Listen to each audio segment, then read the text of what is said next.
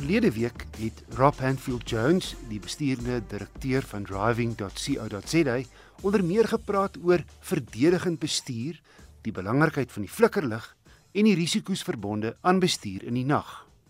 In hierdie tweede bydrae oor padveiligheid tydens die vakansietyd, verduidelik hy die belangrikheid van 'n goeie volgafstand en jou spoed aanpas by die omstandighede.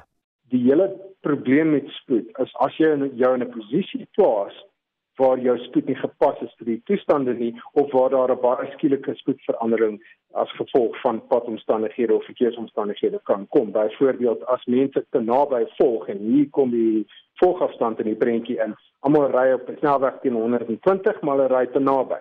So die eerste ou skrik bietjie of hy verloor konsentrasie of soos deesdae waar die geval is, hy is besig om met sy foon te peter en hy kyk nie wat op die pad aangaan nie en daar word daar's 'n spoedvermindering die eerste, tweede, derde, vierde motors kan dalk uh, wat agter hom ry kan dalk daarvoor voorsiening maak, maar daar's hierdie aangaande spoedvermindering. Dan kom jy op 'n punt as gevolg van die gebrekkige gevolgafstand dat die spoedverskil tussen sien maar die 5de kar wat reeds al spoed verminder het en die 12de of 13de motor wat heel agter is wat nog 120 doen, 60 of 70 km/h kan wees en dan kom jy op 'n punt waar dit net nie fisies moontlik is om betyds stil te hou nie. Al het jy sluit deur remme, al het jy die beste pad op vlakte en die beste motor in die wêreld, dit is net nie fisies moontlik nie. So spoed ten opsigte van uh, kruispaaie is baie belangrik. As jy nie sigbaarheid by kruispaaie het, verminder jou spoed om meer tyd en ruimte vir jouself te skep.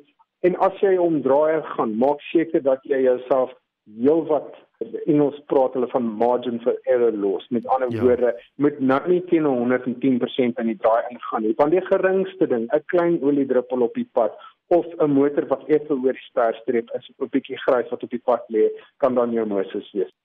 Rob, en dan sien 'n mens gereeld dat daar 'n uiters gevaarlike ding op ons paaie, op ons enkelpaaie plaasvind. En kyk, dit is goed en gaaf wanneer 'n voertuig of 'n stadige vragmotor vir jou aftrek in die geelstreep. Maar sodra jy verbysteek en jou regterwiele gaan oor die middellyn, dan ontstaan 'n potensieel dodelike situasie. Ja, dit is. Maar kom ons praat gou oor die gebruik van die geelstreep om uh, ander vinniger motors te laat verbygaan dit is nie onwettig nie, 'n mens mag dit doen, maar daar is sekere voorwaardes. Nommer 1, dit mag nie tussen sonsondergang en sonop uh, gebeur nie, so met ander woorde, mens kan dit nie snags doen nie wat heeltemal sin maak. En die belangrike is dat jy ten minste 150 meter se sigbaarheid voor jou moet hê. Uh, as jy gaan oorbeweeg en waarskynlik sal dit ook van toepassing wees op iemand wat verbysteek. So al skuif sê maar 'n vragmotor in die noodbaan in om jou te laat verbygaan. Uh sou dit verstandig wees om seker te maak jy het genoeg sigbaarheid voordat jy hom probeer verbygaan.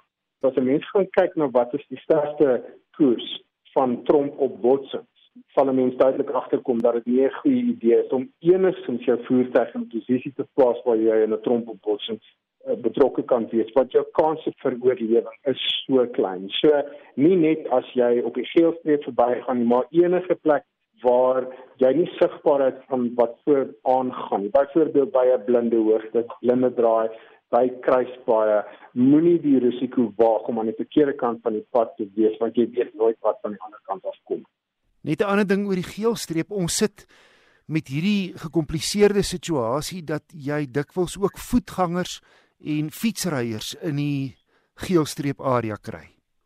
Die ja, maar ook eh, 'n motor wat gaan staan het. Onthou daar is 'n noodbaan. Dit is sy sy doel. Ja. So as 'n mens sien maar die pad Kaap toe is 'n goeie voorbeeld tussen Johannesburg en Kaapstad. Is daar feitelik al die pad daai geel area en dit is om 'n veilige plek te skep as 'n ou papwiel sou kry of die motor klaar raak sodat 'n mens kan aftrek. Nou dink nou die geval daar is 'n vragmotor wat in die geelstreep in beweeg om jou te laat verbykom en hier's jy nou langs van hom, daar is 'n aankomende vragmotor en die vragmotorbestuurder wat in die geelstreep is, kom skielik agter maar hier's 'n vragmotor wat voor hom stil staan want hy het onklaar geraak. Hy gaan natuurlik probeer uitswaai en dan druk hy jou fisies in die pad van die aankomende motor. So ja. dit is nie net 'n geval van die ou beweeg oor en jy sê dankie en jy's weg nie.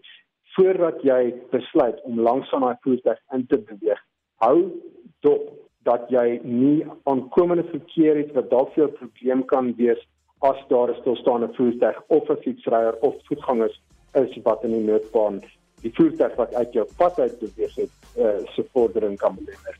Rob Anfield Jones van driving.co.za